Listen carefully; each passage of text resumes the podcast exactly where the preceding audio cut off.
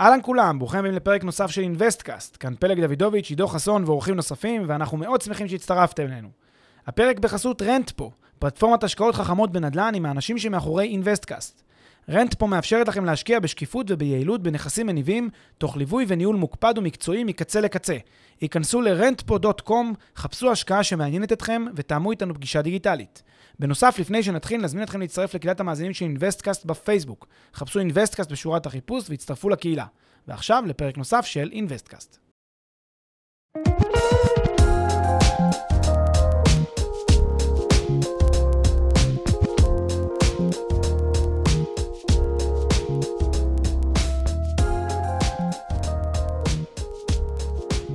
לכולם, פרק אה, מספר 26 של אינוויסטקאסט. היום אנחנו רוצים אה, להסביר את המכניזם של קביעת התשואה. ובמקום, בואו לא נכביר במילים, בואו כן. פשוט נתחיל. נתחיל ישר בעניינים. פרק שהוא מאוד מרתק לדעתי, שעוסק במרכיב, אוקיי, או במנגנון, במכניזם, שבאמצעותו תשואות נקבעות בשוק של שוק ההשקעות. עכשיו, צריך להבין, שכשאני אומר מכניזם לקביעת התשואה, זה... השוק קובע את התשואה, ואני גם תכף ארחיב על זה כמובן, אבל אני מאוד מאוד uh, חושב שכדאי לכם גם uh, uh, להבין שיש כאן מכניזם מאוד מאוד חכם, מאוד מאוד מיוחד ומרתק. וכמשקיעים זה מאוד חשוב גם להבין את המנגנון הזה, ואני אסביר גם למה. בגדול, עולם ההשקעות, אם מסתכלים עליו, כמו שאנחנו ננסה להסביר בחצי שעה הקרובה, Uh, עולם ההשקעות הוא עולם בסך הכל uh, מספרי, מאוד רציונלי, ויש שיאמרו אפילו לפעמים טכני. Uh, וזה, וטוב שכך. הוא צריך להיות כך, ואנחנו נסביר תכף למה. הנקודה היא שלהבין את המנגנון שבו מחושבות תשואות, או תשואה היא uh, נקבעת למיזם מסוים, ההבנה הזאת יכולה לעזור לכם להבין את העומק של עולם ההשקעות מזוויות הרבה יותר רחבות, וממש להבין איך דברים עובדים, איך המנגנון הזה שעולם ההשקעות עובד, אה, איך פרויקט אחד הוא כזה ופרויקט אחר הוא כזה, ומה המאפיין של כל פרויקט. אה, זה גם מאפשר לכם אה, לבחור נכון יותר, בצורה מושכלת יותר, בין אלטרנטיבות השקעה, כי אתם מבינים את המנגנון שמוצב בבסיסה של כל, של, בבסיסו של כל אפיק השקעה. אז זה נותן לכם גם את האפשרות לבחור, מאוד מאוד מעניין, וגם זה מאפשר לכם, או לחלק מכם, לאלה ש... אוהבים לעבוד בצורה מסודרת ושיטתית, זה מאפשר לכם לעשות את זה. כלומר, הבנת המנגנון של התשואה ואיך מחושבת תשואה, יכול לעזור לכם לעבוד בצורה מסודרת, להבין את הרעיון, להבין איך זה עובד, וככה גם, כן, מי שאוהבים אקסלים ומי שאוהבים את התחשיבים, וכדי לכלכל את צעדיהם בצורה גם מתמטית, אז הפרק הזה הוא מאוד מאוד הכרחי ונחוץ לדעתי. וזהו, אתה רוצה שנתחיל? כן. אוקיי, אז אה, אולי נתחיל מהערה כללית לגבי הערך הכלכלי של השקעות, וזה מתכתב עם מה שאמרתי ממש הרגע. בין אם אתם משקיעים במניות בשוק ההון, בנדל"ן, בנדל"ן למגורים, נדל"ן מסחרי, בין אם אתם אפילו מקימים עסק, או אפילו אם אתם עובדים אה, כשכירים איפשהו, אפשר ולדעתי גם רצוי להסתכל על כל האינטראקציה הזאת שאתם עושים, כאל פעולה כלכלית פיננסית. אוקיי? כאל פעולה מספרית ניתנת לחישוב בצורה רציונלית וטכנית. אה, עכשיו, אני כבר מזהיר, זה אולי טיפה ציני, זה אולי טיפה קר, זה אולי טיפה טכני מדי לחלק מהאנשים, אבל זה דרך מאוד נכונה ו- ו- והכרחית לדעתי להסתכל על דברים, אה, ונבין תכף למה.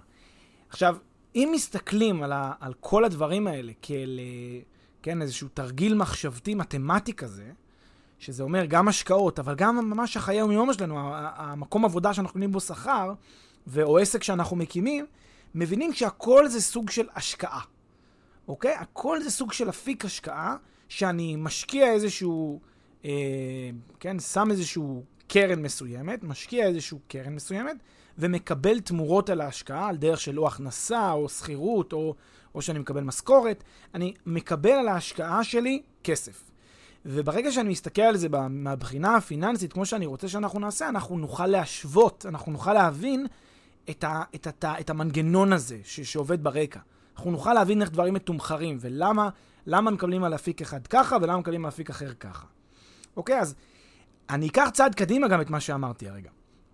אם אנחנו מסתכלים על החיים שלנו, כאילו הכל זה בעצם חישוב טכני מתמטי של אקסלים, למשל, אה, אה, מקום העבודה שלנו, או עסק שאנחנו פותחים, אז אה, אנחנו יכולים לחשוב על זה שבעצם גם אפשר היה לסחור את זה.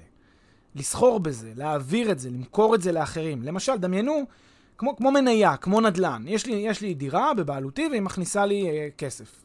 אני יכול למכור אותה, ואז מישהו אחר היא מכניסה לו כסף, ואני מקבל כסף היום. יש לי מניה, היא מכניסה לי דיבידנדים, או שאני צופה עליית ערך, אני יכול למכור אותה, ומישהו אחר יקבל את הדיבידנדים שהמניה הזאת יודעת לעשות. מישהו אחר יקבל את, ה, את, ה, את הערך שהיא נותנת. תארו לכם שגם הייתי יכול למכור את, השכ... את המשכורת שלי. את שכר העבודה, אם, הייתי, אם אני שכיר, ואני יש לי עכשיו שכר עבודה, ונניח אני כל חודש מקבל 5,000 שקל הכנסה בחודש ממקום העבודה. תארו לכם שהייתי יכול את ה-5,000 שקל האלה למכור, את ה-5,000 שקל האלה כל חודש למכור. אותו דבר אם הייתי מקים עסק, אותו דבר אם היה לי איזושהי הלוואה שהייתי נותן למישהו, והוא היה מתחייב לתת לי כל, כל חודש 5,000 שקל, הייתי יכול למכור לו את ההלוואה הזאת. לדבר הזה הרבה פעמים קוראים איגוח, אוקיי? או capitalization, שזה בעצם תהליך של לקחת איזשהו אה, נכס מסוים, הסתכלות על כל רכיב מסוים שאנחנו עושים, שקשור, שמעורב בכסף, להסתכלות עליו כאל נכס, עושים לו מעין תהליך של איגוח, מביאים אותו לערך נוכחי, ואז אפשר בעצם לסחור בו כאילו הוא נכס שמייצר כסף בעצמו. ומסתכלים על כל מערכת האינטראקציות הכלכלית, כן, שבין פרטים, כאל מעין מערכות כאלה שבהן אפשר למכור את הנכסים האלה, להעביר אותם מאחד לשני, לשלישי, לרביעי. ובמובן הזה, להסתכל למשל על דירת מגורים, שנניח אני מקבל את ה-5,000 שקל מהסוחר, לא משנה, ואני פשוט, כשאני מוכר את הדירה הזאת, אני מקבל היום כסף, נפגש היום כסף, ומה אני מוותר על ה-5,000 שקל. ומה מי שקנה ממני אה, עשה? הוא ויתר על הכסף שהוא שילם לי על הדירה, על המיליון שקל על הדירה, אבל הוא קיבל במקומי את ה-5,000 שקל לחודש. החלפנו בינינו את ה... את ה עשינו trade-off בין תזרים מניב לבין ערך uh, כספי, כן, uh, לבין המחיר של אותו uh, איגוח, של אותו נכס. אני קיבלתי את שווי הנכס וויתרתי על התזרים, הוא קיבל את התזרים וויתר על שווי הנכס, על אותו הון שהוא השקיע. אוקיי, אז במובן הזה אפשר להסתכל על זה, um, על כל האינטראקציות האלה כאל פעולות כלכליות פיננסיות. אפילו שזה נשמע קצת מוזר להגיד, אני אמכור את שעות ה... אני אמכור את, השח... את המשכורת שלי, אז אפשר להסתכל על זה ככה וזה יהיה לחלוטין אה, לגיטימי ולחלוטין אה, אה, תקני. אגב, וגם הזכרנו את זה באחד הפרקים בפודקאסט, אה, אם אתה אה, חלילה נפצע, קורה לך אירוע ניתוחי, אירוע ביטוחי כלשהו, או אה, תאונה נזיקית, מה שיעשה שופט כדי לתמחר מה, מה הפיצוי שמגיע לך, זה היוון, בעצם תהליך די דומה, היוון בתהליך של איגוח, של מה שהיית אמור לקבל. אם אתה נניח היית יודע באמצעות, אם היית עכשיו עובד, היית יכול לקבל משכורת של 5,000 שקל, ובגלל הנזק שנגרם לך, נפגעה לך יכולת ההכנסה של אותם 5,000 שקל, אז השופט בעצם יעשה היוון של כל ה-5,000 שקל האלה וייתן לך אותם היום בפעימה אחת. כן, יכול להיות שהוא יפרוס אותם קצת, אבל בעיקרון הוא ייתן לך איזושהי, איזשהו תשלום שמגלם לך את העובדה שוויתרת על התזרים הארוך הטווח הזה. אתה מקבל כסף היום, וויתרת על התזרים ארוך הטווח. אז במובן הזה, אה, כך נכון להסתכל על, ה, על, על, על העולם, העולם הכלכלי והפיננסי, ו, ואולי גם ניקח את זה עוד צעד אחד קדימה. ו, ונעשה מעין פעולה של, אה, כן, אה, אקסליזציה, אם תרצו, או טכניזציה, להפוך למשהו טכני, מתמטי, של בעצם כל השקעה שלנו. קחו למשל, אם יש לכם דירה להשקעה, אז לא מעניין אתכם שיש לכם דירה להשקעה. זה לא משנה שזה נכס אה, נדל"ן, כן? נכס אה, מוחשי שתקוע איפשהו בחו"ל. זה לא מאוד משנה מה יש לכם. יש לכם השקעה של 50 אלף דולר נניח, עם הכנסה של 2,500 דולר בשנה, לצורך העניין. זה לא משנה אם, זה, אם הכסף הזה יושב בבטונים בחו"ל, או שהוא יושב במניה באינטרנט, או שהוא יושב, לא יודע מה, במקום אחר. בסוף זה, מבחינת האקסל, זה 50 אלף השקעה, 2,500 הכנסה שנתית. ואז אתם מבינים, אוקיי, אז עכשיו הבנתי, בעצם אין הבדל, נדל"ן, מניות, אה, אפיקים אחרים, הלוואות, אין הבדל. אני צריך להחליט מה הכי טוב לי, מה נותן לי הכי הרבה כסף, ולהיצמד אליו.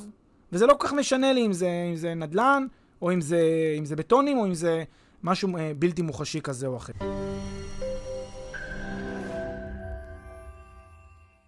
לפני שנמשיך, כמה שניות מזמנכם. הפרק בחסות רנטפו, פלטפורמת השקעות חכמות בנדל"ן עם האנשים שמאחורי אינוויסטקאסט. רנטפו מאפשרת לכם להשקיע בשקיפות וביעילות בנכסים מניבים, תוך ליווי וניהול מוקפד ומקצועי מקצה לקצה. היכנסו ל-rentpo.com, חפשו השקעה שמעניינת אתכם, ותאמו איתנו פגישה דיגיטלית. מה נותן הכי הרבה כסף בהתחשב בסיכון? מה נותן הכי הרבה כסף בהתחשב בסיכון, אבל אתה כבר קופץ לשאלת התשואה. זו כבר, זו כבר השאלה הבאה, שאלת התשואה. אבל רק מה שאני רוצה להגיד זה שמבחינה טכנית אה, אקסלית, האקסל שלנו הוא ה... הוא, הוא, הוא, הוא לא סופג, הוא לא, הוא, הוא, הוא לכאורה עושה, למה, למה, למה אני קורא לזה אקסליזציה? כי כאילו האקסל אדיש לשאלה מה הנכס שלך, הוא אין לו שם הגדרה, תגדיר לי ייצוג הנכס ואז אני אתן לך בצורה יותר מושכלת את המספרים. לא, הוא אומר, תן לי מספר, כמה השקעת, תן לי כמה הכנסה יש לך, ובוא נראה לך מה התשואות שלך, או בוא נראה לך מה, מה המחיר שזה שווה, אוקיי? כל ההקדמה הזאת היא נחוצה כדי להבין את הרקע למנגנון הזה של קביעת התשואה. אוקיי? אז נקפוץ לשם? בואו נקפוץ לשם. אני, ניקח דוגמה מספרית, אה, שתלווה אותנו לאורך כל הפרק הזה, אה, והדוגמה הזאת היא הדוגמה הבאה. נניח שיש לכם אפיק השקעה, לא משנה, נדל"ן, מניות, אג"ח, לא חשוב מה, שמניב 100 לשנה למשך 10 שנים. 100 שקל לשנה למשך 10 שנים. זה מה שהוא עושה. לא מאוד משנה עכשיו בסוף מה תקבלו, בהתחלה מה תקבלו. רק חשוב הפירות השנתיים האלה של 100 לשנה למשך 10 שנים. עכשיו, אני לא רוצה להיכנס פה לנוסחה המימונית, אבל דעו שיש נוסחה מימונית שיודעת לחלץ את הערך הנוכחי של דברים. תן לי, הנוסחה הזאת אומרת, תן לי את התזרים השנתי, תן לי את הערך הנוכחי, או משהו כזה, ואני אמצא לך את הריבית. או תן לי את הריבית, אני אמצא לך את הערך הנוכחי. תן לי את התשואה, אני אמצא לך את הערך הנוכחי. אוקיי, יש נוסחה כזאת. לא ניכנס אותה, אנחנו כמובן נקדיש לה אה, גם הסברים במסגרות אחרות, וגם אה, יש לנו גם אה, סדנת הדרכה, שבה, שבה אנחנו גם מסבירים הרבה היבטים מימוניים. יכול להיות שגם אה, בה נתייחס כמובן לנוסחה הזאת, אבל ב, ב, לפחות לש, לשם הפרק הזה תניחו שקיימת דרך לחלץ בקלות. אה, כמובן שנשמח לענות אם מישהו ירצה שנסביר, נוכל גם להרחיב על כך בהסבר אה, פרטני. אבל בואו ניתן רגע לאינטואיציה אה, לתת לנו הסבר לכל מיני דברים שאפשר לעשות עם אותו אה, 100 שקל לשנה למשך, למשך 10 שנים. בואו נקרא לדבר הזה התזרים שלנו. תזרים זה בעצם תזרים המזומנים. אנחנו מקבלים 100 שקל לשנה למשך 10 שנים. זה איזשהו תזרים. עכשיו בואו נשחק עם התזרים הזה. באיזה אופן? בואו נגיד ששיעור התשואה של התזרים הזה יכול להיות אחת מחמש חלופות. יכול להיות 3% תשואה על התזרים הזה, 5%, 7%, 10% או 15%. אוקיי, מתחילים מ-3, עולים עד 15, תשואות דו-ספרתיות וגם תשואות קטנות של 3 ו-5%. אז בעצם אה, יש לי תזרים שנותן לי 100 לשנה למשך 10 שנים, ויש לי תשואות שהתזרים הזה יכול אה, להתקבל באמצעותן, באמצעות התשואות הללו. תשואות שנתיות כמובן. עכשיו, נגיד עוד איזושהי אמירה חשובה. אם יש לי תזרים של 100 שקל לשנה למשך 10 שנים, אני יכול להבין די במהירות, כן, שהשווי של התזרים הזה היום הוא לא 1,000, הוא לא 10 פעמים 100. למה? כי אני לא אהיה מוכן לשלם היום 1,000 שקל בעד שום הון, לא אהיה מוכן לשלם 1,000 שקל בשביל לקבל 100 בעשר פעימות לאורך עשר שנים. למה לי? אם אני יכול לקבל אלף, ש... לשלם אלף שקל, אז כבר יש לי עשר פעימות של מאה. אני לא צריך לחכות עשר שנים בשביל לקבל אותם. לכן אני אהיה מוכן לשלם רק פחות מאלף בשביל הזכות לקבל עשר פעימות של מאה. אוקיי? אני אהיה מוכן לשלם פחות. 700, 800, 900, פחות מאלף בשביל הזכות לקבל עשר פעימות של מאה. עכשיו אני גם מזכיר לכם מה שאמרנו קודם, שימו לב, התזרים הזה זה נכס, זה נכס שמייצר לי הכנסה. מה ההכנסה? 100 לשנה למשך 10 שנים. אני יכול לקנות את הנכס, למכור את הנכס, להחזיק בנכס, ואז בעצם יש לנכס הזה ערך. והנה מה הערך שלו, תלוי בתשואה שלו. ואז נתנו פה חמש תשואות, 3, 5, 7, 10 ו-15. בואו נראה מה יקרה לערך שאני אהיה מוכן לשלם עבור התזרים הזה תחת כל אחת מהתשואות. אוקיי? אז בואו תתרכזו שנייה המספרים נגיד אותם מהר. אם התשואה היא 3%, אני אהיה מוכן לשלם 850 שקל. בערך, כן? מעגל את המספרים למען הנוחות. אז אני אהיה מוכן לשלם 850 שקל בשביל תשואה של 3% על התזרים הזה. עבור תשואה של 5% אני אהיה מוכן לשלם 770 שקל. אתם רואים, אני כבר יורד בסכום כי התשואה עולה.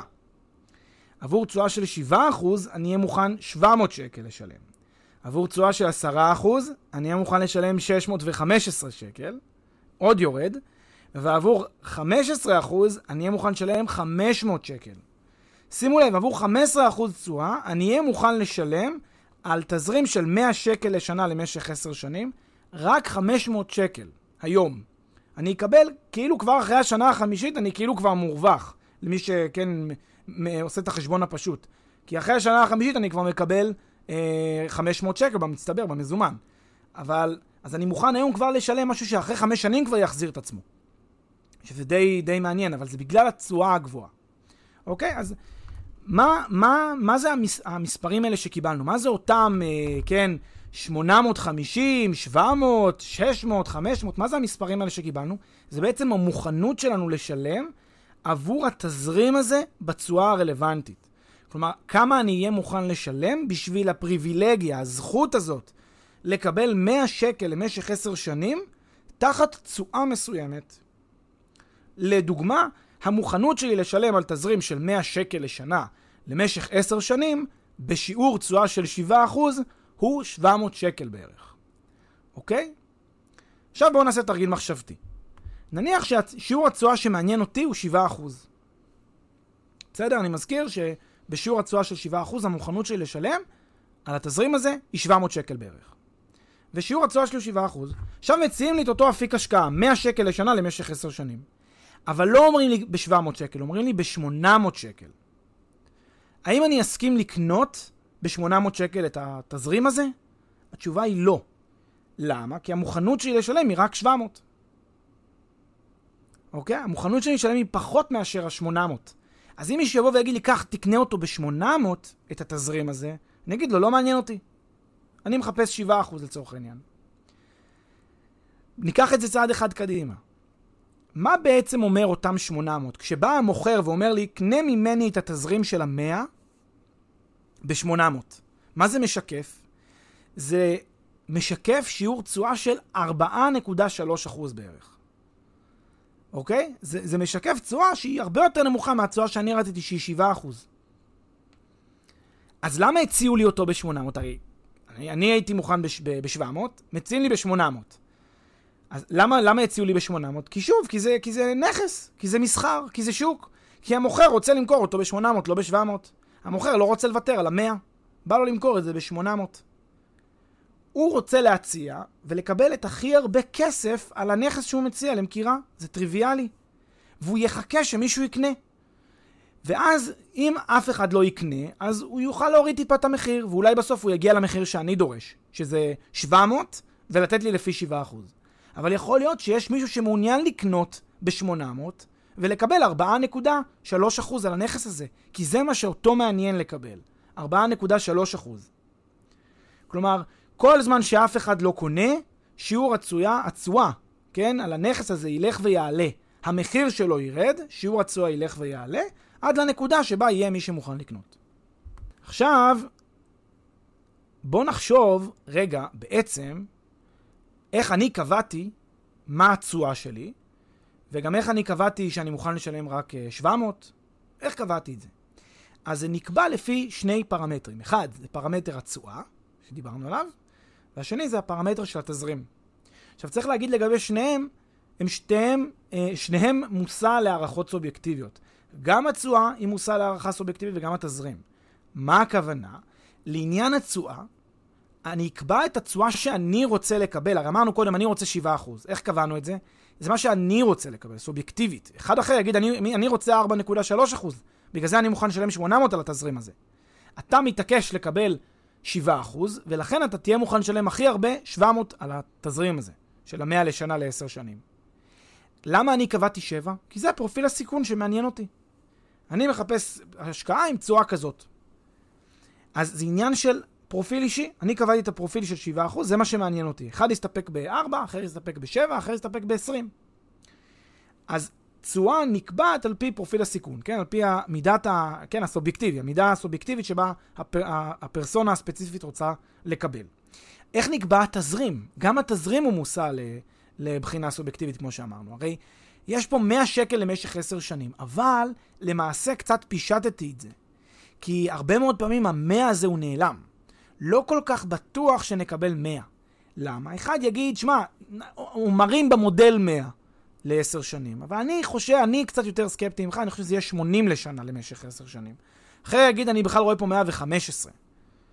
ואז יכול להיות שיש פה גם הערכות שונות ביחס לגובה התזרים השנתי, כי הוא לא ודאי. אחד רואה סיכונים של נזילות, אחד רואה סיכונים שסוחר לא משלם, אחד חושב שכל הסוחרים נהדרים כי זה מרכז העיר. אז כל אחד יש לו את התפיסות ואת האמונות השונות ביחס לתזרים הזה. ולכן שני הפרמטרים, תזרים ותשואה, הם אלה שישפיעו על השווי שאני מוכן, את, על, על בעצם על המוכנות שלי לשלם על הנכס הזה. אוקיי? אז אחד יסכים לשלם עליו 700, אחר יסכים לשלם עליו 800, אחר יסכים לשלם עליו 900, וכך הלאה. אוקיי? יפה. אז זה בגדול ה- ה- ה- הרקע הבסיסי לאותה, אה, לאותה נקודה שרציתי להציג בנוגע לתשואות. עכשיו, עוד איזושהי הערה, אה, הערה מסוימת שהיא אה, גם כן חשובה בהקשר הזה. והיא ש... אני רוצה לחזור למספרים שאמרתי קודם. עבור תשואה של 3%, אני אתמחר את זה ב-850 שקל. עבור תשואה של 5%, אני אתמחר את זה ב-770 שקל. עבור תשואה של 7%, אני אתמחר ב-700, 10% אני אתמחר ב-615, 15% אני אתמחר ב-500. ככל שאני עולה עם התשואה, ככה המחיר שאני אדרוש על הנכס הזה הוא הולך וקטן. וזה טריוויאלי. זה גם נשמע הגיוני, כי המוכנות שלי לשלם על משהו שאני תופס אותו כיותר מסוכן, אז uh, היא יותר קטנה. אני אהיה פחות מוכן לשלם בכסף, פחות על משהו שנראה לי יותר מסוכן ופחות טריוויאלי. אוקיי? וככל שהתשואה, ומהצד השני, ככל שהתשואה יותר ויותר בטוחה, ככה, שימו לב, המחיר של המוכנות לשלם שלי עולה.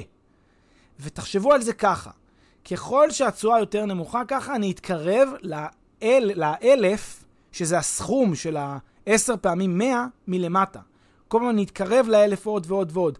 תרדו מ-3%, תרדו ל-2%, אתם תעלו כבר לכיוון ה-900. תרדו ל-1%, אתם כבר ב-950. כל פעם כשתרדו עם האחוז של התשואה, ככה אתם כאילו מקטינים מאוד מאוד מאוד את רכיב האי-הוודאות שיש כאן, ולכן אתם תהיו מוכנים לשלם על התשואה הזאת יותר כסף. על ה... על ה... סליחה, על התזרים הזה יותר כסף. תהיו מוכנים לשלם על ה-10 פעימות של 100 יותר כסף. עכשיו נגיע לאיזושהי אה, אנומליה מעניינת, שהיא גם מתכתבת עם אה, כל מה שדיברנו עליו עד כה. וזה תמיד הנושא של תשואה דו-ספרתית. הרבה מאוד אנשים אומרים, אה,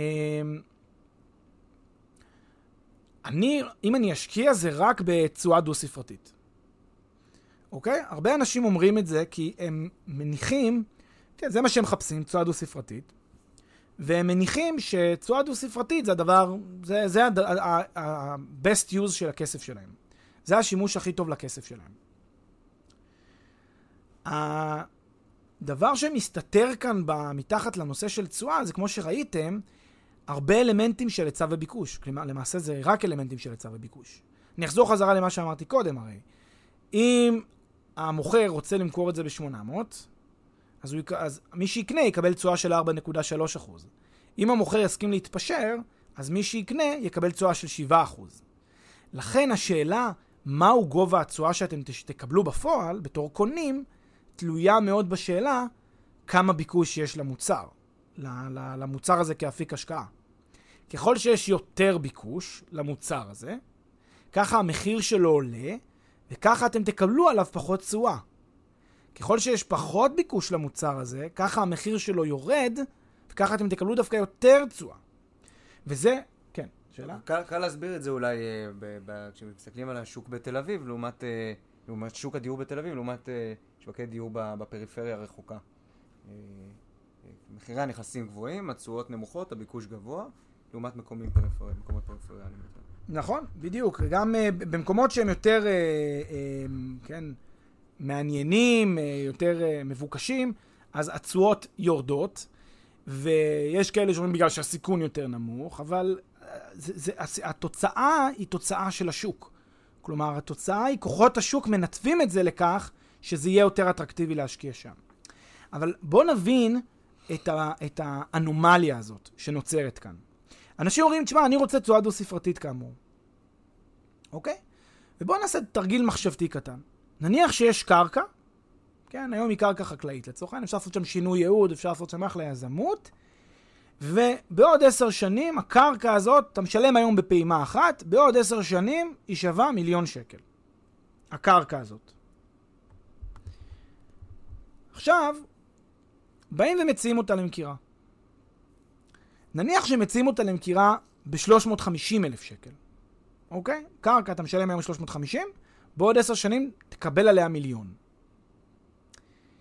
אם אני קונה את הקרקע הזאת, אני עושה 10% לשנה לפי המודל הזה. למה? כי 350 אלף היום, בריבית של 10% לשנה, זה הדרך שבה מחשבים את זה, אני אגיע למיליון שקל בעוד 10 שנים. הנה קיבלנו תשואה דו-ספרתית. תמכרתי את זה ב-350 אלף, וקיבלתי תשואה דו-ספרתית. נניח שעכשיו באים ואומרים לי, תשמע, אל תקנה את הקרקע ב-350 אלף, קנה אותה ב-400 אלף שקל. כלומר, מעלים לי את המחיר. כמו שהבנו קודם, זה אומר שהקרקע יותר מבוקשת. למה? כי בא המוכר... טוב, טוב, שוב, צריך לראות אם באמת נסגרת העסקה. בוא נניח שנסגרת עסקה ב-400. נניח שמציעים לי אותה ב-400 כי ניסו להציע, אה, אם יציעו אותה ב-395 למישהו אחר, הוא יקנה בוודאות. אז מציעים לי ב-400, נניח שזה כמו מכרז כזה. עכשיו באים להציע לי ב-400. אני יודע שהמחיר כבר הוא קרוב מאוד ל-400. מה זה אומר כשהמחיר הוא קרוב מאוד ל-400? שהתשואה עליו כבר יותר נמוכה מאשר 10. עכשיו התשואה היא 9.5%. כלומר, הקרקע יותר מבוקשת, התשואה ירדה מתחת לדו-ספרתי הזה. מה היה קורה אם היו מציעים לי אותה ב-500,000 שקל? כלומר, הרבה יותר מאשר ב, ב, מהמצב ההתחלתי של 350, התשואה כבר הייתה יורדת ל-7.2 בערך. מצד שני, אם היו מציעים לי אותה ב-300,000 שקל, כלומר פחות מה-350,000 בהתחלה, התשואה הייתה קופצת לכמעט 13 הנה הדו-ספרתי שלנו. מה זה בעצם אומר לנו? מה זה מלמד אותנו? שתשואה גבוהה היא לא איזושהי חזון שאנחנו צריכים לכוון אליו. תשואה דו-ספרתית, תשואה שבע-ספרתית. אנחנו לא צריכים לכוון לזה, כי מה זה אומר בסך הכל תשואה גבוהה? זה אומר שהמוצר שמנסים למכור לי אותו, פחות מבוקש. פחות אנשים רוצים לקנות. אם הרבה אנשים היו רוצים לקנות את הקרקע הזאת, אז התשואה הייתה יורדת. כי המחיר שלה היה עולה. תחשבו על המוכר. כשהמוכר מוכר לכם את התזרים הזה, כמו שדיברנו קודם, התזרים של המאה לעשר שנים, או כשהוא מוכר לכם קרקע שבעוד עשר שנים תהיה שווה מיליון, והוא מוכר לכם אותם במחיר שמשקף לכם תשואה של 15%, מה הוא עושה? הוא מוותר על ה-15% האלה. הוא עצמו ויתר עליהם. אז תחשבו כמה הקרקע הזאת מתומחרת בחסר. בגלל שאין לה ביקוש. מזווית המבט, אה, כן, של, מי שמאמין בה, שהיא שווה המונים, שהיא שווה הרבה יותר. אבל אף אחד לא פראייר, זאת אומרת, אין סיבה להניח שהוא ויתר פה על כסף, שהוא, שהכסף יושב על הרצפה. הוא פשוט, אף אחד לא רוצה לקנות אותה, הסיכון יחסית גבוה, אנשים חושבים שהיא לא שווה את, ה, את, ה, את המחיר, ולכן אנשים לא מוכנים לקנות. עכשיו תחשבו מה יעשה אותו בן אדם שקנה את הקרקע. קנה אותה ב-300,000, מראה, שלושה, שלושה אחוז מראה המודל שלו. נכון? אמרנו, הוא מקבל מיליון בעוד עשר שנים, הוא משלם 300 אלף היום, 13 אחוז תשואה לשנה, נפלא. רץ ל- ל- לחברים שלו, אומר, תראו, הנה מודל כלכלי נהדר, הנה זה 13 אחוז אני מצליח לעשות פה. עכשיו, כולם מתלהבים, איזה יופי, הבאת תשואה דו-ספרתית. רק מה הבעיה? שאם חושבים איזה שנייה רגע לעומק, זה לא כזה צריך לשמח פה אף אחד. כלומר, זה לא שחסר אפשרויות להשיג תשואה דו-ספרתית, אם רוצים. למה? כי תמיד אפשר לקנות אג"ח זבל בצורה של 17%. תמיד אפשר לקנות, אה, לא יודע מה, אה, אה, אה, דירות ב- ב- ב- במדינות נחשלות מאוד ולראות תשואה של 20%. תמיד אפשר לקנות אה, מטבעות וירטואליים ולראות תשואה של מאות אחוזים ביום. אפשר, לה, אפשר לראות תשואה במודל, בתחזית, שהיא דו-ספרתית, תלת-ספרתית, 18-ספרתית. אפשר לראות את זה. מה זה מלמד אותנו? זה לא מלמד אותנו כלום, זה רק מלמד שלא מספיק אנשים רוצים לקנות את הנכס תחת התשואה הזאת. תשואה גבוהה היא לא המבחן הרלוונטי בגלל נושא התמחור, בגלל שאיך שזה עובד. התמחור הזה, יש תזרים או יש איזשהו נכס שאמור לייצר ערך מסוים, בא המוכר שלו, מציע אותו לכל המרבה במחיר, הוא מראה, הנה תג המחיר שאני מציע אותו. שם אותו in your face. עכשיו ת, תתחילו להתחרות עליו, על, המח... על התזרים הזה. וכל אחד מגיש הצעה, ובסוף נסגרת איזושהי הצעה. אם נסגרה תשואה גבוהה על הנכס הזה, סימן שלא הרבה רצו לקנות. אם זה היה דירה בתל אביב, כולם היו רוצים לקנות, והתשואה הייתה מאוד נמוכה. אם זה דירה באיזה חור כלשהו, עם תשואות מאוד גבוהות, אז אוקיי, אז, אז, אז יפה, קיבלת את התשואה הגבוהה, ואף אחד לא רוצה לקנות, אז על מה ההתלהבות הגדולה? זאת אומרת, במהות, מה שצריך לומר כאן, זה שתשואה, לפי הבנת המנגנון שלה, היא לא המבחן בכלל שאמור להעסיק אתכם. זה לא רלוונטי בכלל לשיקול כשהיא עומדת לבד. אני לא רוצה להקדים את המאוחר, ואולי גם נסביר בעתיד, אז איך אני בעצם בוחר, כן, אם, אם נותנים לי תשואה מסוימת ונותנים לי אפיק השקעה, איך אני בעצם בוחר את אותו, אה, אה, שהאפיק הזה הוא טוב, איך אני מחליט אם האפיק הזה הוא טוב או לא. כי כמו שאתם מבינים, מסתתרת כאן גם האמירה הבאה. בתשואה, אם אני רוצה להבין אם היא טובה או לא, אני צריך להבין, להבין שנייה מה, אה, כן, מה, מה, מה אני מעריך ביחס ל... לנכס הזה, כמה אני חושב שהוא שווה, ואז לעשות את ההבחנה לפי המחיר שהציעו לי. לראות אם אני מרוויח כסף. ואני צריך לעשות מודל מסודר בלי קשר למחיר. כלומר, אני צריך נגיד להסתכל, אומרים לי 100 שקל, 100, 100 לשנה למשך 10 שנים, אז אני צריך להחליט, כן, עבורי זה 700. אני יוצא מעיניים למחיר, אני אומר, קודם כל עבורי זה 700, אחר כך אני אחליט אם אני קונה או לא. אבל בדרך כלל אנשים לא עושים ככה. מה אנשים עושים? אנשים אומרים, יש לי 100 לשנה למשך 10 שנים, ומציעים לי אותו ב-800. אה, זה משקף 4.3 אחוז. 4.3 אחוז לא טוב. לא טוב לי. זאת אומרת, הם מסתכלים על המחיר שמישהו הציע, רואים את התשואה שמתקבלת, ואז רואים זה לא טוב לי. אני חושב שצריך טיפ, טיפה הפוך, אני צריך להגיד מה המחיר שאני הייתי מוכן לשלם על זה, אם הייתי עושה את הבדיקה, את הקלקולציה לבד, בלי שמראים לי את המחיר של זה. ואז אני יכול, ל, ל, ל, ל, כן, להתגבר על אותו אפקט של הוואו כשאני רואה 15%. כן, קחו את הדוגמה, נניח, שם, נניח שהיו מציעים למכירה את, ה, את התזרים הזה של המאה לשנה ב-500 שקל. מה התשואה שהייתי רואה? 15%. אוקיי? את התשואה שהייתי רואה 15%. ואז אני צריך להחליט, רגע, אוקיי, זה נהדר 15%, אבל יכול להיות שאז הייתי בודק. בלי קשר, לא, לא בגלל שקיבלתי את ה-15%, הייתי אומר, אני רוצה רגע לבדוק מה אני חושב. ואז הייתי אומר, תשמע, אני חושב דווקא שזה שווה 400. כי התשואה שאני מכוון אליה בהקשר הזה היא 16 או 17. כי זה ככה אני חושב שהרמת סיכון של הנכס הזה. ואז אני הייתי מוכן לשלם דווקא 400 על הנכס. אבל בגלל שהראו לי 500, קיבלתי תשואה של 15%, אז אני פתאום נורא נלהב, אני אומר, 15% דו-ספרתי נהדר. אני הולך על זה. אפילו שזה מעל המוכנות שלי לשלם מלכתחילה. אבל כאמור עוד נרחיב על זה, ועוד נסביר את האלמנט הזה שבסוף איך אני בוחר, אחת שאני יודע מה, ה, אה, מה התשואה של, ה, של הפרויקט הזה, של המיזם הזה, איך אני בוחר אם להשקיע בו או לא. זה בעצם הדבר הבא שאולי נדבר אליו בהזדמנות אחרת.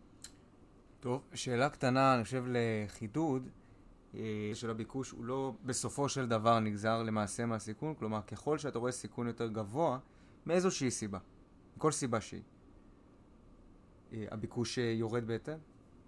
הנטייה, הנטייה היא, אני חושב, לגבי הסיכון, היא קצת אה, סיבה ותוצאה, כאן יש כאלה יגידו שדברים שלובים זה בזה, אני חושב שזה קצת סיבה ותוצאה. כלומר, השוק קובע את המחיר של זה, ואז בסוף מבינים שזה גם קשור לסיכון.